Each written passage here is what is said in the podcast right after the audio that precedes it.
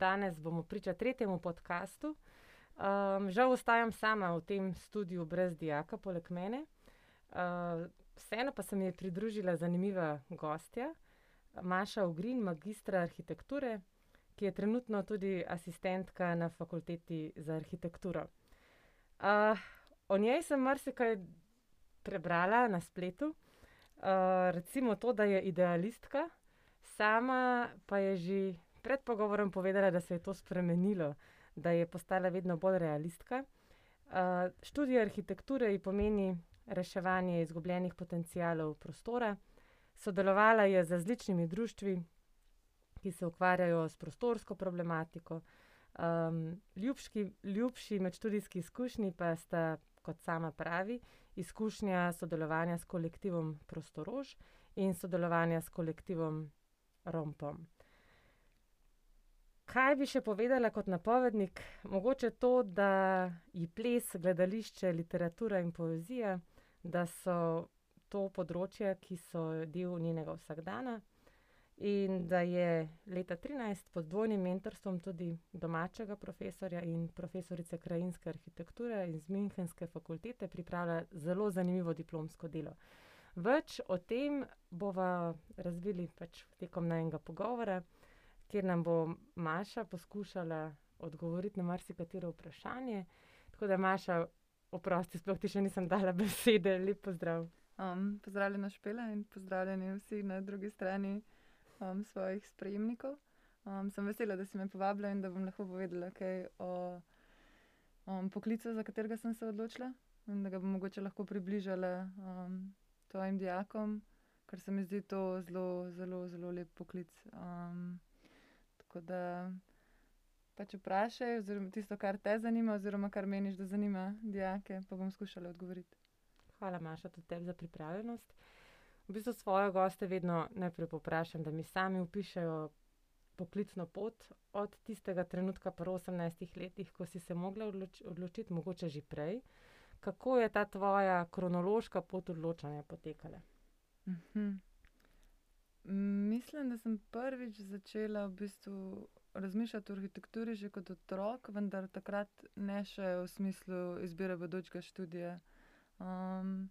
tekom šolskih let sem se vedno ukvarjala bolj s poezijo, z gledališčem, s plesom.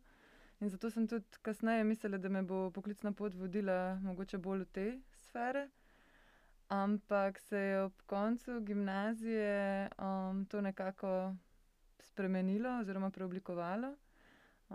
tukaj mislim, da je bil ključen nasvet mame, ki ga sicer prej nisem želela poslušati, ampak, je potem takrat ob enem pogovoru prepoznala mojo veliko senzibilnost in pa hkrati tudi neko željo po realnih tleh.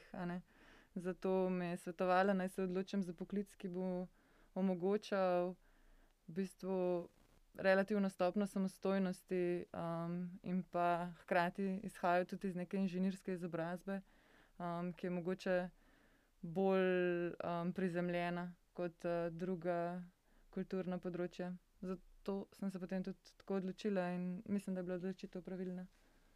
To mi je zelo zanimivo, ker običajno, kakor jaz, poslušam naše mlade, se včasih prav zanalašč odločijo ravno obratno, kot jim svetujejo starši. Tako da to mi je pri tebi zelo zanimivo, da si prisluhnila v tistem trenutku. Ja, ne vem, mogoče zato, ker sva z mamo zelo veliko sodelovali že prej pri, raznoraznih domačih projektih in sem ji nekako zaupala, da v bistvu ve, kakšna sem. doma smo namreč zelo veliko sodelovali, mama je tudi, ker me je imela zelo zgodaj, v bistvu, šla študirat, ko sem šla jaz v prvi razred še enkrat, in, je takrat tudi vse moje domače naloge jemala zelo študijsko. kar je bilo fino, ker so ti rezultati teh, skupnih projektov bili zelo dobri. Nikoli nismo naredili samo domače naloge, ampak smo iz nje skušali speljati neko zgodbo. Ne vem, spomnim se na primer, ene domače naloge v četrtem razredu, kjer naj bi napisali knjigo. profesorju se je mogoče, zdelo, da bi nam dal malo bolj, poglobljeno nalogo. in smo v bistvu tri mesece pač doma sestavljali. Um, in takrat sem v bistvu sestavila nek roman po vzoru petih prijateljev, ker je bilo pač to tisto, kar smo takrat brali. Um, in potem nekako opremila tisto, um, tisto besedilo še z slikarijami slikarja. Um, potem pa smo se doma odločili, da bi izdelali še v bistvu cel hardcover za to knjižico. Tako da je nastal nek tak mini roman, dnevnik Suzane Greko. Um, in še danes ga z veseljem vzamem v roke in se spomnim, v bistvu, kako zelo je bilo pomembno, da so se um, moji starši oziroma skrbniki takrat um, zanimali za to, kaj počnem. Um, ker mi je to dalo neko veselje do sodelovanja tudi v kasnejših letih in želje po povezovanju z drugimi. Um, se mi zdi, da edini na tak način v bistvu lahko prideš do, do boljših rezultatov. Mm.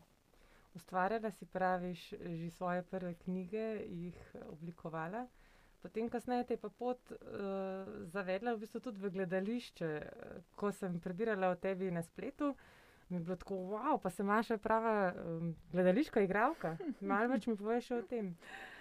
Um, ja, v bistvu sem začela bolj plesati no, skozi um, pač osnovno šolo in potem kasneje tudi v gimnaziji.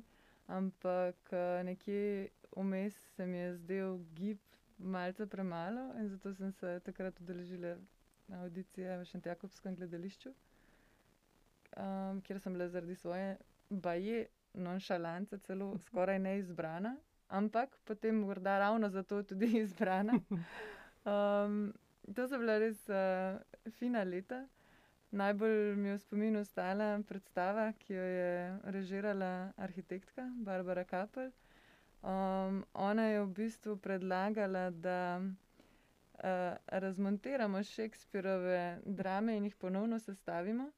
Um, dala nam je posebno proste roke in smo v bistvu um, ustvarjalci, vsi amaterski igravci, um, stari tam okrog 20 let, uh, to tudi naredili. Zabavali smo se, um, rezultat je bila zelo šegava predstava, ki pa mislim, da učiteljicam slovenščine ni bila preveč všeč. Zato smo imeli tudi le nekaj ponovitev, ampak tiste, ki so bile, so bile dijakom zelo zanimive. In Morda tudi zato, ker so v bistvu klasično um, dramatiko postavili v nek sodoben kontekst in jim jo približali. Se lahko tukaj navežemo na arhitekturo, se pravi, točno to, kar si rekla. Neko klasiko postavljamo v nek drug kontekst, v neko drugo zgodbo. Mislim, je tukaj kaj skupnega z vsemi temi tvojimi projekti, zdaj če prehajamo na arhitekturo? Ja, menim, da sigurno um, sta področji zelo, zelo povezani. Um, tako pri obeh izhajamo iz nekih temeljev, ki jih potem skušamo um, vleči v prihodnost in se vedno znova ozirati nazaj, ter gledati, kaj nam lahko iz starega koristi v tem, kaj, kako danes oblikujemo prostor. Um, ne na zadnje pa tudi um, gledališče v bistvu ustvarja neko prostorsko polje ne? in vsak igralec. Uh, zelo dobro zaveda prostora okrog sebe in se zelo dobro zaveda, da prostor niso samo objekti, ampak so tudi medosebni odnosi. In um, v bistvu na ta način bi lahko percipirali tudi prostor. Če imamo kvalitetno okolje, tako grajeno, kot tudi bivansko, potem um, bojo tudi projekti, ki jih bomo ustvarjali znotraj tega prostora, boljši. Um, okay. Se pravi, še ena stvar zraven se mi zdi, to sodelovanje, ki ga večkrat omenjaš, zapisuješ. Um, človek bi si mislil, da pač za arhitekta je zelo pomembno, da ima neke risarske sposobnosti, da razume 3D prostor. Kje pa so tukaj odnosi, sodelovanje? Mm, hm. ja, predvsem v tem, da se odmaknemo od likovnega jezika, ki je v bistvu zapis uh, vizualnega prostora, ne? In se mogoče um, primaknemo bolj k humanizmu in pa pač uh, k filozofiji. Um, če ne veš, kaj bi rad narisal, v bistvu ne boš narisal ničesar zanimivega. Se pravi, um, od zadaj mora biti vedno neka ideja oziroma neka neka misel o tem, kaj si želim sporočiti s tem, da rišem. Se pravi, enako je tudi pri pisanju ali pa kakršni koli drugi ustvarjalni dejavnosti. Um, in iz tega vidika mislim, da um, je dobro razmišljati, kaj bo določenemu prostoru v bistvu dalo dodano vrednost, recimo ga izboljšalo. Um, naprimer, en primer je, da bi lahko um, ob vsaki prenovi razmišljali tudi o dodani vrednosti. Trenutno se dogaja nekaj prostorskih prenov v Ljubljani in morda tudi pri njih pogrešam neko misel, ki bi drugače zastavila naše bivanje v centru mesta. Um, ne vem, jaz sama sem kolesarka, um, avtomobila niti ne vozim prav pogosto.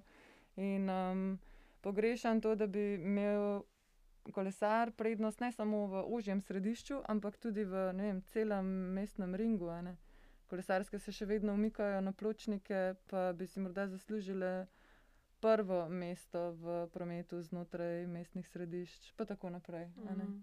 Zdaj sem videla tvoj post na Facebooku, kjer si fotografirala uh, zebro. Se spomniš? Ja, ja. ja. Je bilo tako le, uh, sam res. Jaz, recimo, z, nimam arhitektskih oči in niti ne opazim teh stvari. Lahko rečemo, da je arhitekt um, že po duši odprt in vse čas opazuje uh, spremembe v prostoru in opozarja na njih. Ja, malo te, te prizme um, ti da tudi uh, študij in pa seveda kasnejše udejstvovanje. Um, naučite videti uh, okolje, uh, v katerem se giblješ in um, pač bereš ga v bistvu potem skozi te neke informacije in um, opaziš, kakšne so označbe, ali so moteče ali ne, ali bi lahko bile boljše, ali res sporočajo to, kar uh, želijo sporočiti. Um, komentiraš, no? potem se pa odločiš, da ta komentar tudi izraziš, ali pa ga včasih raje zadržiš zase. Hmm. Um, zdaj pa, a študij vse to um, vsebuje v sklop vseh teh pomembnih dejavnikov, zato da je nekoč nekdo dober arhitekt, se pravi, in humanizem in ta tehnična podkovanost. Um, če mi lahko mogoče malo spregovoriš o, o poteku tvojega študija. Prebrala sem tudi, da si uh, iskala znanje zunaj slovenskih meja, mogoče tudi, uh, da dijakom, poslušalcem, poveš še kaj o tej izkušnji. Um, ja, jaz mislim, da naš tudi na Ljubljanski fakulteti za arhitekturo, kjer sem jaz študirala, um, ponuja zelo širok spekter znanj um, in se tudi prilagaja in razvija, tako da je danes um, precej drugačen kot takrat, ko sem bila jaz na šoli. Um, zdi se mi, da je dovolj širok, uh, da te v bistvu nauči gledati in razmišljati. Um, najslabše na našem študiju je, če ne razmišljaš. um, ker se mi zdi, da je to tudi ta preskok v bistvu iz gimnazije na faks, uh, kjer mogoče mnogi drugi, druge fakultete niso tako zelo drugačne, ne? ker je še vedno veliko učenja, pa res pa je zelo veliko praktičnega dela mm. in si zelo hitro v bistvu vržen v morje, kjer moraš plavati in odgovarjati na vprašanja, in si v bistvu stimuliran, da od, pač odgovoriš in nekako oblikuješ svoje mnenje. Um, tako da je to meni, se zdi to no, neprecenljivo. Um, študirala sem en del tudi v tujini, kjer sem doživela ravno to razliko, da tam pač nis, nisi bil toliko samostojna oseba, kot si lahko bil na, na naši fakulteti, ki je pač manjša, tam si bil del sistema in si imel tudi zelo strogo odmerjen čas uh, za korekture, tudi uh, rešitve so morale biti zelo sistematizirane, diplomska dela, naprimer, so bila vnaprej predpisana. Seveda so potem ti študenti diplomirali v treh mesecih, mi pa včasih tudi v leto in pol ne. Mm. Ampak je pa toliko manj prostora za neko lastno participacijo, že tokom študija, oziroma za oblikovanje neke vizije. Um, pač oboje ima svoje prednosti in slabosti. No. Kar se tiče pa potem kasnejših izkušenj v tujini, dela, naprimer, se mi je zdela pa tujina neprimerljivo, morda bolj prijazno okolje za razvijajočega mladega profesionalca. Um, moja prva pravzaprav moje prve delovne izkušnje izhajajo prav iz tujine, po diplomi ne, iz Hamburga. Um, in tam je v bistvu sodelovanje z mojim sodelavcem, v bistvu lastnikom biroja, um, nekako odprlo oči in mi dalo določeno stopnjo samozavesti, ker je znal pohvaliti. In jaz sem tam prvič v bistvu ugotovila, da sem dobra v tem, kar počnem in da imam potencial. Um, in sem se s to samozavestjo veliko lažje potem vrnila v Slovenijo in um, nekako se postavila kot uh, enakovreden sogovornik v marsikateri prostorski debati. Um, zato bi to vsakomu priporočala, no, to izkušnjo. Je to mal karakter slovencev, da ne znamo pohvaliti? Ja, mislim, to je, ne vem, m, mogoče neka dediščina. um, ker se najprej naučiš kritizirati, tudi na faksu, naprimer. in potem rabiš kar nekaj let, da se otreseš takega načina razmišljanja. Ne? Da se v bistvu naučiš konstruktivne kritike, da se naučiš, da kritika ni nujno osebna in slaba, ampak da je samo možnost, da preoblikuješ svoje razmišljanje in delo, um, ali pa ne. ne? Um, v bistvu je samo komentar. Um, tako da je treba sprejeti vedno pozitivno. Um, ja, in nekako se moraš do tega potem sam dokopati, ko skozi izkušnje vidiš, kaj deluje in s čim lahko ustvariš več, za, več dobrega za okolico. Spomnim se enega vprašanja um, profesorice, preden sem stopila v nek. Um, neko izobraževanje, rekla špela, kako prenašate kritiko. Uh, se mi zdi, da tukaj res um, ne zdrži vsak tega, da, da ti ne desetkrat eno skico popravijo, pa rečejo ne, popravi to, popravi to. Um. Ja, to je, to je kar, uh, kar res in definitivno je močna volja in odpornost na kritiko, sta ene od boljših popotnic, če se odločite za študij in pa potem za kasnejše udejstvovanje v arhitekturi.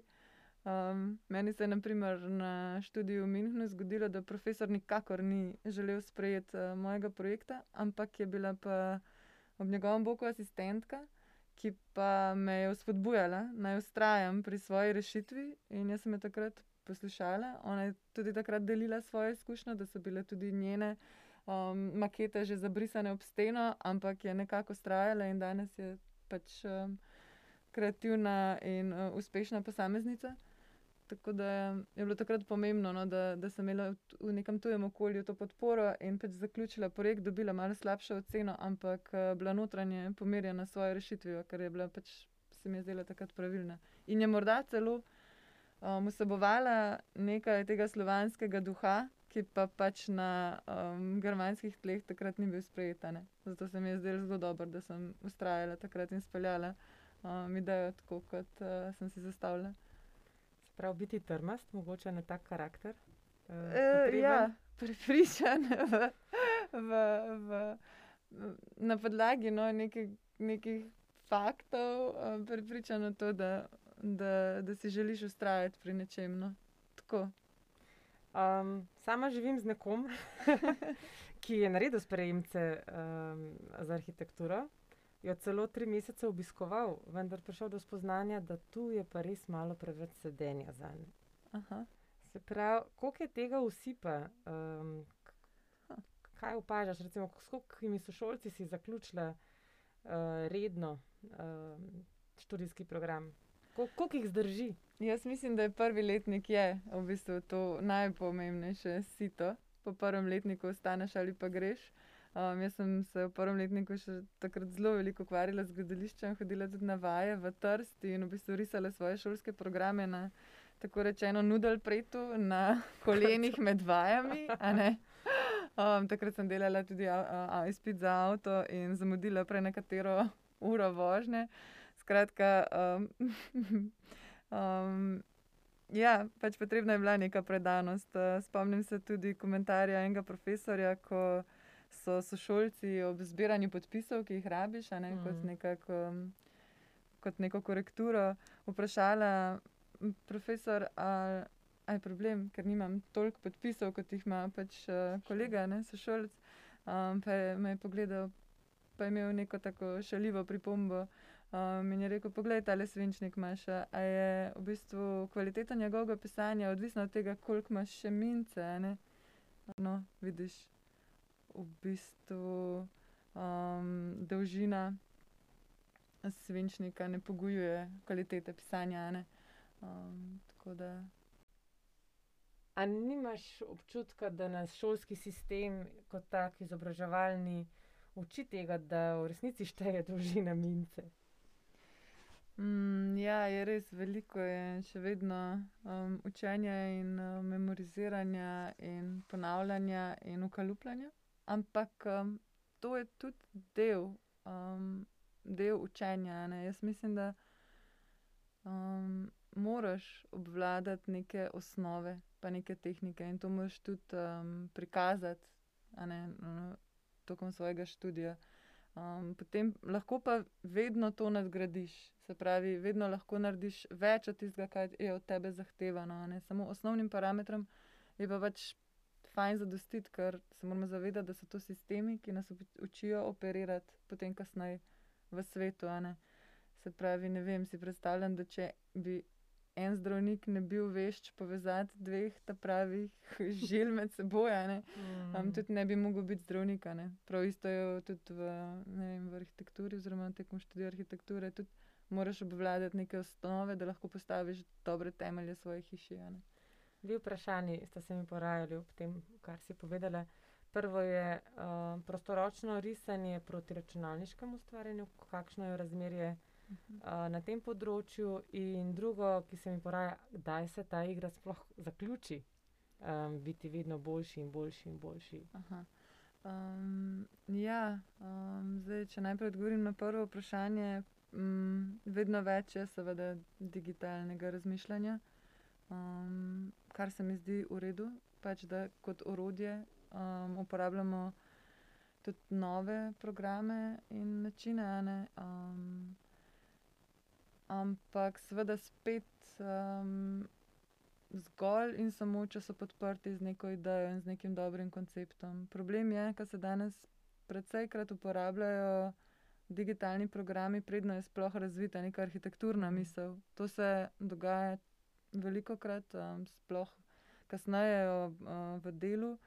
In um, zato, ker je pač želja in trg sta zahtevna, hitrost proizvajanja je pomembna. In kar naenkrat mislimo, da v bistvu lahko, brez da bi dobro razmislili, naredimo tudi dobro hišo. Mm. Ampak to so objekti, ki bodo oblikovali prostor še naslednjih sto in več let.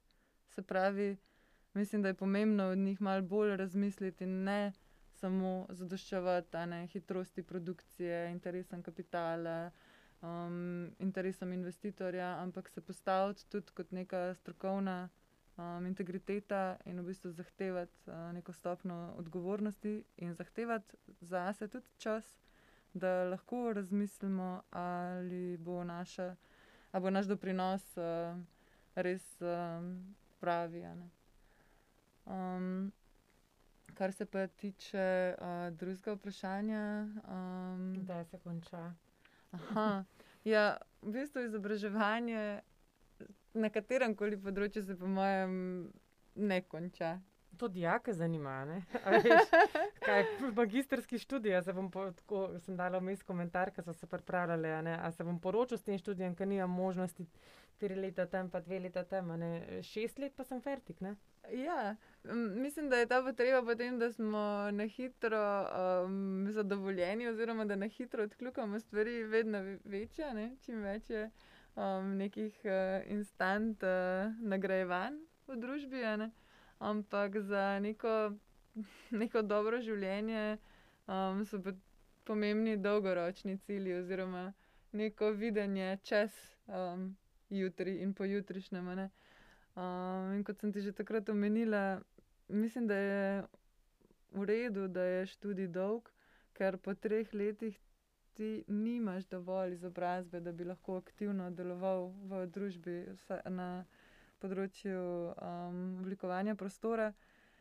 Morda do takrat obvladaš neke osnovne pojme in pa neke tehnične veščine, se pravi, bi lahko postal risar, ampak najverjetneje si tega ne želiš. Ne? Jaz mislim, da moramo zahtevati od ljudi, predno se podvržejo trgu dela, da imajo tudi um, neko osebnostno integriteto in neko znanje, ki si ga upajo predstavljati tudi drugim. Mhm.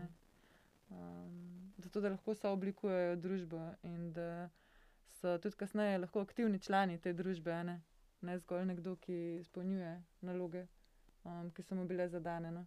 Vedno je dobro, da imaš neko kritično refleksijo, da si sposoben zauzeti neko distanco, pogledati stvari zelo na široko, ne, ne samo v tisti detajl, ki ga imaš morda trenutno približen na zaslonu računalnika, ne, Mhm. ker je pač svet veliko širši od tega. Ja.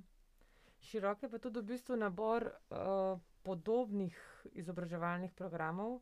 Če mogoče čist na tvojem projektu diplomskem, ki si ga delala, boš povedala, kaj si delala, malo razložiš, kje v tem diplomskem delu je vidik krajinske arhitekture, urbanizma in kaj je arhitektura. Mhm. Sicer lahko to vsak pogleda v leksikonu, ampak mogoče da je malo nazorno Mm. razložiti. Ja. Um, v bistvu sem se z, ja, z, z, arhi- z krajinskim oblikovanjem zgolj na kratko srečala, um, pa še to na izmenjavi um, v Münchnu, kjer sem spoznala v bistvu profesorico Regin Keller, ki je um, bila tudi nekako moja sogovornica ob, um, ob izdelovanju diplome. Um, vem, takrat se mi je zdelo, da super, ne, to je še neko področje, ki ga ne poznam, bom pa iz tega diplomirala. Ne, bom pač v tistih, tistem letu spoznala celo minhensko okolje, njihovo delovanje in izaro, ampak uh, se je skazalo za prevelik zalogaj. Um, tam nisem imela nobenih kontaktov, v bistvu bi bila odvisna samo od nje, ki je imela pa po nemško odrejen čas. ne. Um, zato sem se potem takrat odzvala. Um, mislim, v bistvu sem jaz kontaktirala profesorja v Ljubljani, ker sem videla, da je um, natečaj za ureditev Drave. Maribor je takrat kandidiral za Evropsko prestolnico kulture, oziroma mu je to že bilo um, dodeljeno. Um, in smo izdelali natečaj za ureditev na Breži, za novo galerijo in pa za most. Um, takrat smo se lotili tega s kolegom Nejcem in potem še z razširjeno ekipo. In smo um, v bistvu obdelovali pač Mariborsko nabrežje. Vem, da smo takrat zamudili oddajo, ker smo do zadnjega printali uh, projekt uh, in potem so nas ustavili policaji, zaradi katerih smo prišli na pošto dve minuti čez polnoč. Ampak je razpisovalec natečaja po pismu ali dveh takrat nekako bil naklonjen in je tudi vse ostale, kasneje oddane projekte še sprejel v, v krog, kar se ne dogaja pogosto. ne. Um, mogoče. Um, ja. Mm, tako da, no, um, v bistvu me je pa profesor, me je pa takrat potem stimuliral, da ne bi končali samo s tem natečajem, ker um, je na drugi strani veliko boljša lokacija, ki bi se je lahko še lotili, in me zapletel še za eno leto. Um, ker sem se potem lotila tega uh, desnega brega, brega reke um, Drave, ki ima zelo šibko socialno strukturo. Um, pač vse se dogaja v bistvu v, na glavnem, um, de, v glavnem delu mesta, um, tu pa so v bistvu precej neurejene uh, stanovanjske razmere. Um, in ja, in se odloča potem oblikovati ta park, ki bi bil hkrati tudi uh, prizorišče, oziroma bi predstavljal novo prizorišče za festival Lent, za katerega do zdaj ni bilo dovolj dobro poskrbljeno. Um, pač nam bi lahko uredil, v bistvu, ker je park v naklonu, bi lahko uredil um, razno, razne nivoje, oziroma pač um, bi lahko uredil prizorišča, ki imajo tudi pogled na mestno silhueto in pa na Gričevje zadaj. Um, hkrati pa bi ta park v bistvu deloval tudi izven festivalskih, območ, uh, izven festivalskih dogajanj. Um, ljudje, moja teza je bila, da se bodo ljudje, če bo, če bo javni prostor prijeten, vrnili v javni prostor. In recimo um, del tega parka so bili taki zalivi za glasbenike, kjer bi lahko pač glasbeniki hodili vaditi, in um, sprehajalci pa bi ob tem neobremenjeno v bistvu uživali v njihovem znanju. Um, In tako bi se pač uh, zgodili neki neformalni stiki, ki pa v bistvu ustvarjajo uh, tkivo neke zdrave urbane družbe. ne. Um, to so bile želje, ki sem jih potem zapisala v, v, v to diplomsko delo. Um, ja, bi si želeli, da bi, da bi, da bi lahko bilo vedno več prostorov, ki bi omogočali neke nove izkušnje, realnega. ne. Saj virtualnega imamo trenutno več kot dovolj. Ampak zakaj ne pride do uresničitve tako nore ideje, tako hude ideje, v bistvu praktične, kjer združiš vse to, kar si prej rekla, ne? humanizem, še zraven daš malo umetnosti in umestiš v prostor, spodbudiš. Mislim, za, kaj vpliva na to, da je neka stvar pač realizirana? Ja, mislim, mogoče bi morali o tem povprašati mestne odločevalce. Ne? A to je pa poz- urbanizem, mogoče. Mislim, je to to. ne, mogoče to, po mojem, je to ne vem, kapital, politika. Tisti, ki pač odločajo o tem, kaj se spodbuja, kaj se investira, kaj raste, kakšna sfera tudi uh, se, se opolnom, pač kakšna sfera um, bo opolnomočena. Ne. Um, ne vem, s takimi projekti bi definitivno spodbudili ljudi k razmišljanju in pa ne zgolj k potrošnji. Mhm. Um, spodbudili bi jih eh, k povezovanju in um, vem, mislim, da pač um, je tu prostor za neko skupno vizijo, ne, um, ki pa že morda presega um, okvire moje profesionalne, Okej. uh, mojega profesionalnega okvirja. Se pravi, arhitektura je vedno umeščena v nek um, ja, eh, političen prostor, v, v prostor, kjer odločajo drugi. Um, Ja, lahko si predlagatelj, mhm. Mislim, zaenkrat to vidim Mhm. tako, da si pač kot ustvarjalec lahko predlagatelj, lahko, si iz, lahko izzivaš, lahko poskušaš, ampak uh, če pa želiš resnično spremeniti, se moraš pa vplesti ja, tudi v, v te druge diskurze. ne. Kar se, um, se tudi kdo odloči ne, po, po študiju in potem na ta način nadaljuje kariero, večinoma potem, ko dobi že nekaj izkušenj. ne. Mm. Ampak se tudi da um, potem resno vplivati in spremenjati stvari. Prek Okej. natečajev pa je recimo možno to tudi uh, tekom um, v bistvu kreativnega ustvarjanja. Ne? Vedno so razpisani natečaji, ponavadi celo obvezni.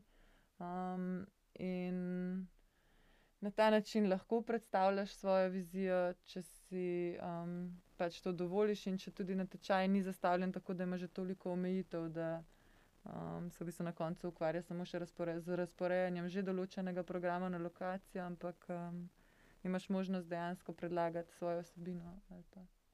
Vem, veliko teh praks um, participacije se razvija tudi uh, skozi razno razne nevladne organizacije no, in Mhm. skozi te projekte, kar se mi zdi zelo, zelo dobro, da, da se tudi oni povezujejo z občinami in potem na nekih takih skupščinah um, ob- sooblikujejo neke ideje, ampak tega je precej premalo. ne.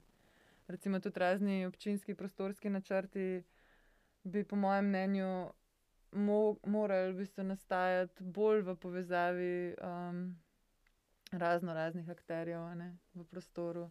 To ne bi smelo biti zgolj naročilo um, projekta, ne, Mm. kot je pač morda naročilo neke zasebne hiše, ampak um, v bistvu neko sodelovanje vseh, ki prostor uporabljajo. Ne. Maš, kako je tvoja specializacija, konkretno? Mislim, a si odprta za vse, gre tukaj za urejanje teh javnih, uh, javnega prostora, a si specializirana za hiše? In to je eno vprašanje, drugo pa je, kater predmet, pri katerem predmetu si asistentka na arhitekturi? Um, moja specializacija je uh, slovenska, kar pomeni, da moraš v bistvu uh, obvladati kar vse, ker ni toliko specifičnih um, projektov. Um, zdi se mi, da vsak arhitekt, uh, vsak dober arhitekt je lahko tudi uh, dober urbanist.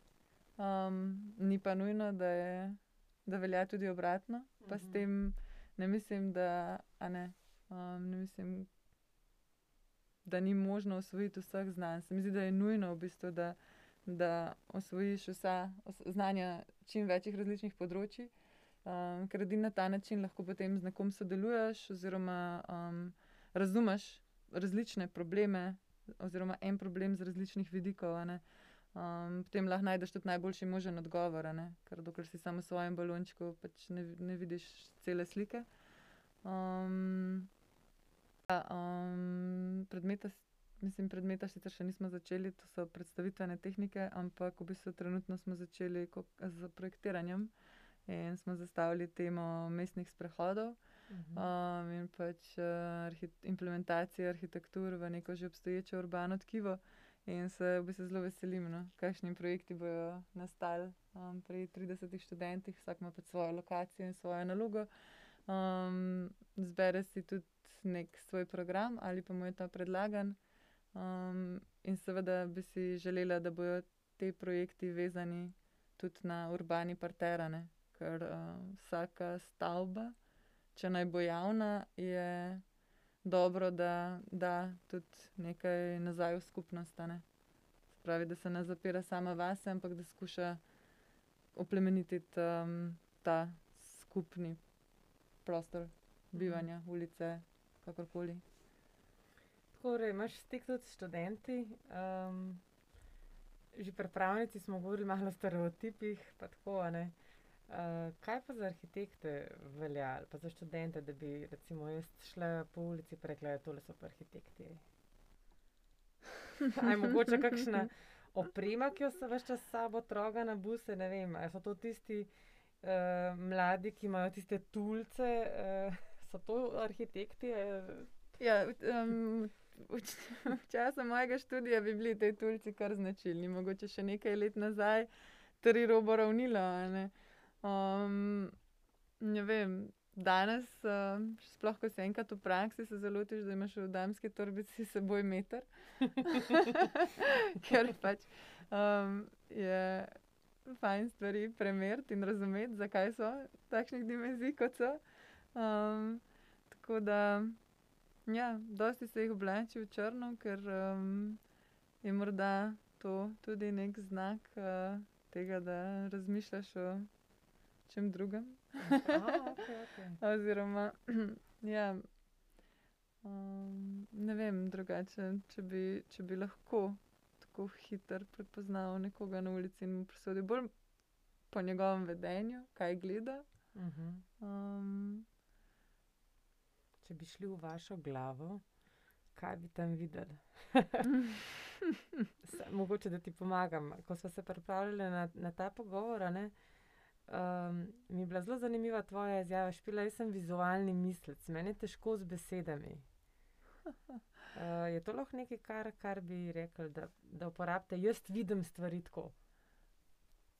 Ja, problem je, da v bistvu stvari vidiš, ampak v bistvu, če želiš le-te stvari predstaviti nekomu, ki Ne ne obvlada tega jezika, ki ga ti govoriš, na primer, a ne, oziroma ki ga ti tudi bereš najprej, ne, in potem rabiš te tudi besede, s katerimi v bistvu opišeš svoje videnje nečesa, ne.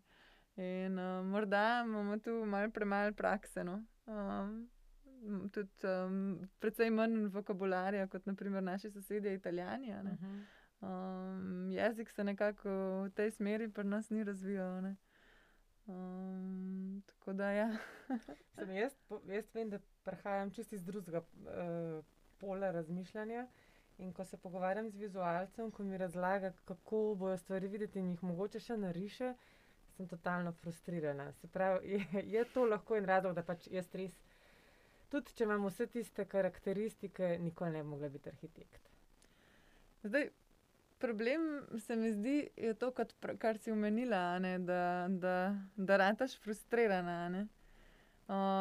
jaz mislim, da zaradi tega strahu, našega strahu pač pred frustriranimi ljudmi, ne, mi več ne pripovedujemo z risbo, ampak ustvarjamo, se ustvarjajo, no, nekaj, neke triD vizualizacije kvazi realnih prostorov, s katerimi pa v bistvu oropamo, našo idejo vsakršne domišljije. V bistvu se šele z, z odsotnostjo nečesa, zadobi na drugi strani neki interes, ne. Šele takrat, se človek mogoče lahko odzove na tvojo risbo z dodajanjem neke svoje um, misli oziroma ideje. Ne? In na ta način se tudi, po mojem, ustvarjajo boljši projekti, ker, ker se zgodi dialog in pač neka komunikacija. Ne? Mm. Um, zato ni fajn pristopiti um, k risbi z frustracijo, kljub temu, da se mogoče ustrašiš, da nečesa ne boš razumel. Ne? Mm. Ampak skušati razbrati, pač skušati um, videti mogoče um, stvari tudi na ta način. Um, in um, pač vprašati. Ker kakorkoli včasih arhitekti delujejo ali delujemo nedostopni, mogoče ravno zaradi tega, ker se pač ne gibljemo tako v nekem prostoru dialogov, ampak pač eh, rišemo. Um, si v bistvu zelo želimo govoriti o teh stvarih in si želimo, da nekoga to zanima. In mislim, da vsak rade volje razloži, um, če je vprašan. Mm. Um, mogoče na, na zunaj deluje nedostopno in nekako tudi profesori in arhitekti delujejo kot neke. Neka superpozicija moči, ne? ampak uh, v bistvu si pa vsak želi, um, da bi nekdo pokazal interesno um, za to misel, ne, ki je pač zadaj. Tako da tudi kot študent je fajn veliko sprašovati, tako se največ naučiš. No. Vsekakor pa ne velja, da si samo vizualni mislec. Vse to zdaj že dokazali. Um, dobro.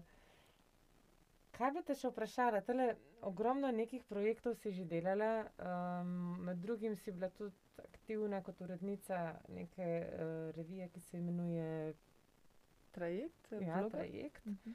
uh, kaj bi izpostavila kot tvoj tak najbolj markanten ali dosežek ali nekaj, kar poleg tega diplomskega dela, ki je bilo zelo obsežno? Um, mm. Delala si tudi v biroju, no, tega si sploh nisva dotaknila, je res ali ni res? Več različnih je. Ja. Um, tako najljubši spomin mi je na v bistvu naše sodelovanje, ki se je rodilo takoj po, um, po diplomi. Um, v bistvu sem takrat bila še v času pisanja diplome, um, ki smo, um, sem se spoznala z industrijskimi oblikovalci, grafičnimi oblikovalci, ki so takrat zasedali eno hišo ob celovški uh, cesti. To so jo poimenovali kreativ, kreativna cona Šiška in v njej za silo uredili svoje delovne prostore. Jaz sem takrat najela tam mizo, um, da bi lahko končno že končala to svojo diplomsko nalogo. Um, in smo pač ob teh kosilih, ki smo jih imeli skupaj, um, začeli tuhtati, ker uh, to je bil čas krize, to je bil čas, ko je, je bilo zelo veliko izdelkov, mladi so takrat veliko stvarili, ampak niso imeli možnosti pokazati, kaj so ustvarjali, ali pa niso imeli možnosti zaposlitve, ker se takrat ni zaposlovala, ne? to je bilo tam leto 2012. Mhm. Um, in, ja, in smo se v bistvu spomnili, da bi lahko najdel nek zapuščen prostor in ga pač opremili, oziroma preuredili s temi izdelki. Um, no, in to se je potem tudi zgodilo, in sicer se je začelo dogajati v trenutku, ko smo res našli en prostor, eh, ki nam ga je bil lastnik eh, pripravljen oddati za dva meseca v zameno za to, da smo mu uredili kuhinjo in kopalnico. Um, in potem smo se lotili, uh, v bistvu smo se je kar naenkrat nabrala veliko večja ekipa, kot je bilo sprva mišljeno. Pač, klit, mislim, Eskaliral, projekt je eskaliral zelo hitro. Lotili smo se ga brez vsakršnih zagonskih sredstev, pač iz ničesar. Ampak je bila takrat prisotna neka taka želja po sodelovanju in moč skupnosti, in vsak je želel nekaj pokazati, in ljudje so se med seboj kar klicali in prinašali izdelke. Da smo na koncu zbrali več kot nekih 300 izdelkov, 100 ustvarjalcev. Hkrati smo, potem ko smo opremili fizično prostor s temi izdelki, van postavili še v bistvu dogajanje.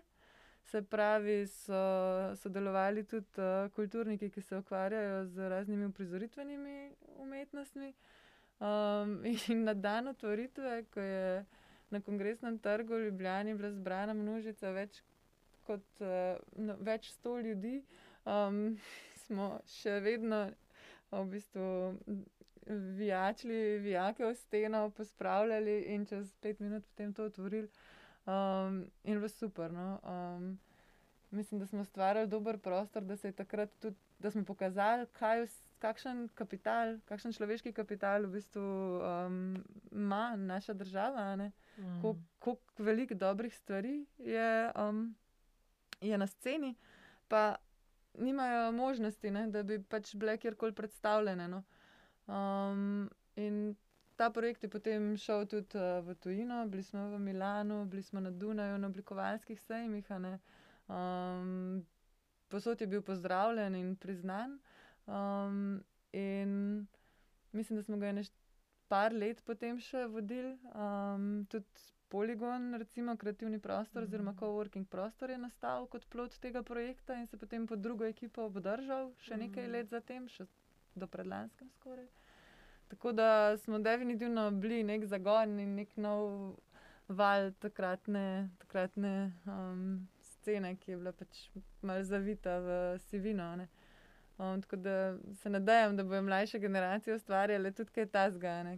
To, to so ravno te projekti, ki se rodijo ponavadi ob začetkih uh, nekih uh, udejstvovanj, no, profesionalnih, ki si še ne obremenjen in si še upaš in imaš čas in nimaš odgovornosti toliko, kot jo imaš kasneje v odraslem življenju.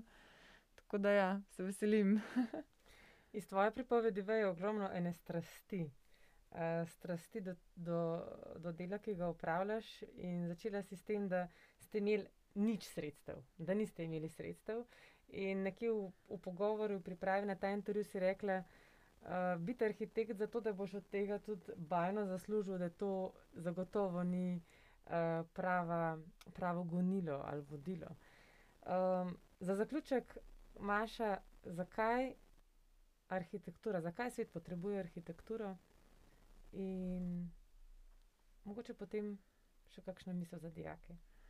Um, ja, sigurno um, se za ta študij ne odločiš, ker bi te vodile. Um, vodila teža urne postavke. um, in zato so tudi razumljive vse frustracije, kasnejše, ko bi seveda, ker si tako priden in ker delaš cele noči, ne malo krat tudi kasneje, po zaključku študija. Se to nekako na bančnem obroču ne pozna tako, kot bi si želel. Um, ampak uh, je neko drugo zadovoljstvo. No? Mislim, seveda se da tudi um, lepo živeti. Um, če rad delaš to, kar delaš. In mislim, da je nekje bilo rečeno, da v bistvu je um, vodilo umetnosti potreba. Se pravi, v bistvu se niti ne moreš izogniti nečemu, kar je v tebi tako močno prisotno, da pač moraš izraziti. Mm. Um, da potem pač nimaš kaj dosti izbire, kot da plavaš v teh svojih željah in izzivih in um, pač si ustvarjala. Um, tako da, ja, mislim, vprašala si me, zakaj bi svet potreboval arhitekturo. Ja. Ne vem, pač svet vedno potrebuje nekoga, ki rešuje neke probleme. Ne? Mi pač rešujemo prostorske probleme. Um, in en lep um, stavek mi je prijateljica v bistvu povedala, ko sem dobila možnost za novo delo. Um, sicer je citat od Plečnika, ki pravi, da poštenost je tudi to, da imate za svoj poklic zadosti znanja in srčne kulture, da ste zmožni vršiti svoj poklic v korist človeštva. Hmm. To se mi zdi tako kar posrečeno, no? um, povedano, da v bistvu. Ja, je potrebno dovolj srčne kulture in želje, da, da lahko ustvarjaš v svojem poklicu, kakršen koli že je. Ne? In je lahko to tudi v bistvu vodilo uh, za naše dijake? Ja, naj si izberejo to, kar si želijo početi. Um, ker vsaka druga odločitev se bo kasneje izkazala za napačno. Pa še to, ko se odločiš za nekaj, ne izključiš drugih možnosti. Um, to, to, to, to, to. Odločiš se pač za nekaj in potem, kasneje v svojo kariero implementiraš vse ostale znanja in interese, in si ravno zaradi tega drugačen, ker takrat k mizi preneseš neko drugo videnje. Ne? videnje problema ali pa pač situacije, ki jo takrat rešuješ. In um, je to za vse boljš. Tako da izbrati je, fino pač nek uh, študij, um, ki odgovarja na tvoje takratne želje in zmožnosti in potrebe, pač potem pa vse ostale stvari vedno lahko nekako implementiraš v ta poklic. Um, tako da ja, zbe, je fino, da zbereš tisto, ki, ki ti je pač zanimivo. No? Potem boš pa že našel pot, da boš uh, preusmeril mogoče na kakšen drug mlin, ker tudi mnogi kolegi so se odločili kasneje za kakšne druge poti. So šli v, v fotografijo, v scenografijo, kolegica je postala celo. Um, v bistvu se ukvarja z ekološkim kmetijstvom. Mm. Študij ti le da neko širino in pa zmožnost konceptualnega razmišljanja in pa povezovanja različnih stvari. Tako da si lahko marsikaj, če se naučiš biti samostojen. Mm pravi, ogromno, ogromno enih istočnic je dala v bistvu še za pogovor, naprej lahko bi še govorili. Vedno znova ugotavljam, da ljudje, ki upravljajo svoj poklic z veseljem, navdušenjem, strastjo, um, bi lahko res še uh, klepetali v noč, če tako rečem. Vsekakor je pa potrebno nekje zaključiti. Uh, Maša, jaz se ti res iskreno zahvaljujem za to čas, uh, čeprav je bil taki zgodni jutranji uri za arhitekte, tako da boste vedeli, ob 11. je kar zgodnja ura. Prosti. Uh, tako da, Maša, hvala lepa. Hvala tudi tebi, Špela, za povabilo in možnost predstavitve uh, vseh teh uh, ur potu. In um, se veselim, no, srečati koga od uh, svojih dijakov. okay. Lep pozdrav, srečno. Naslednje.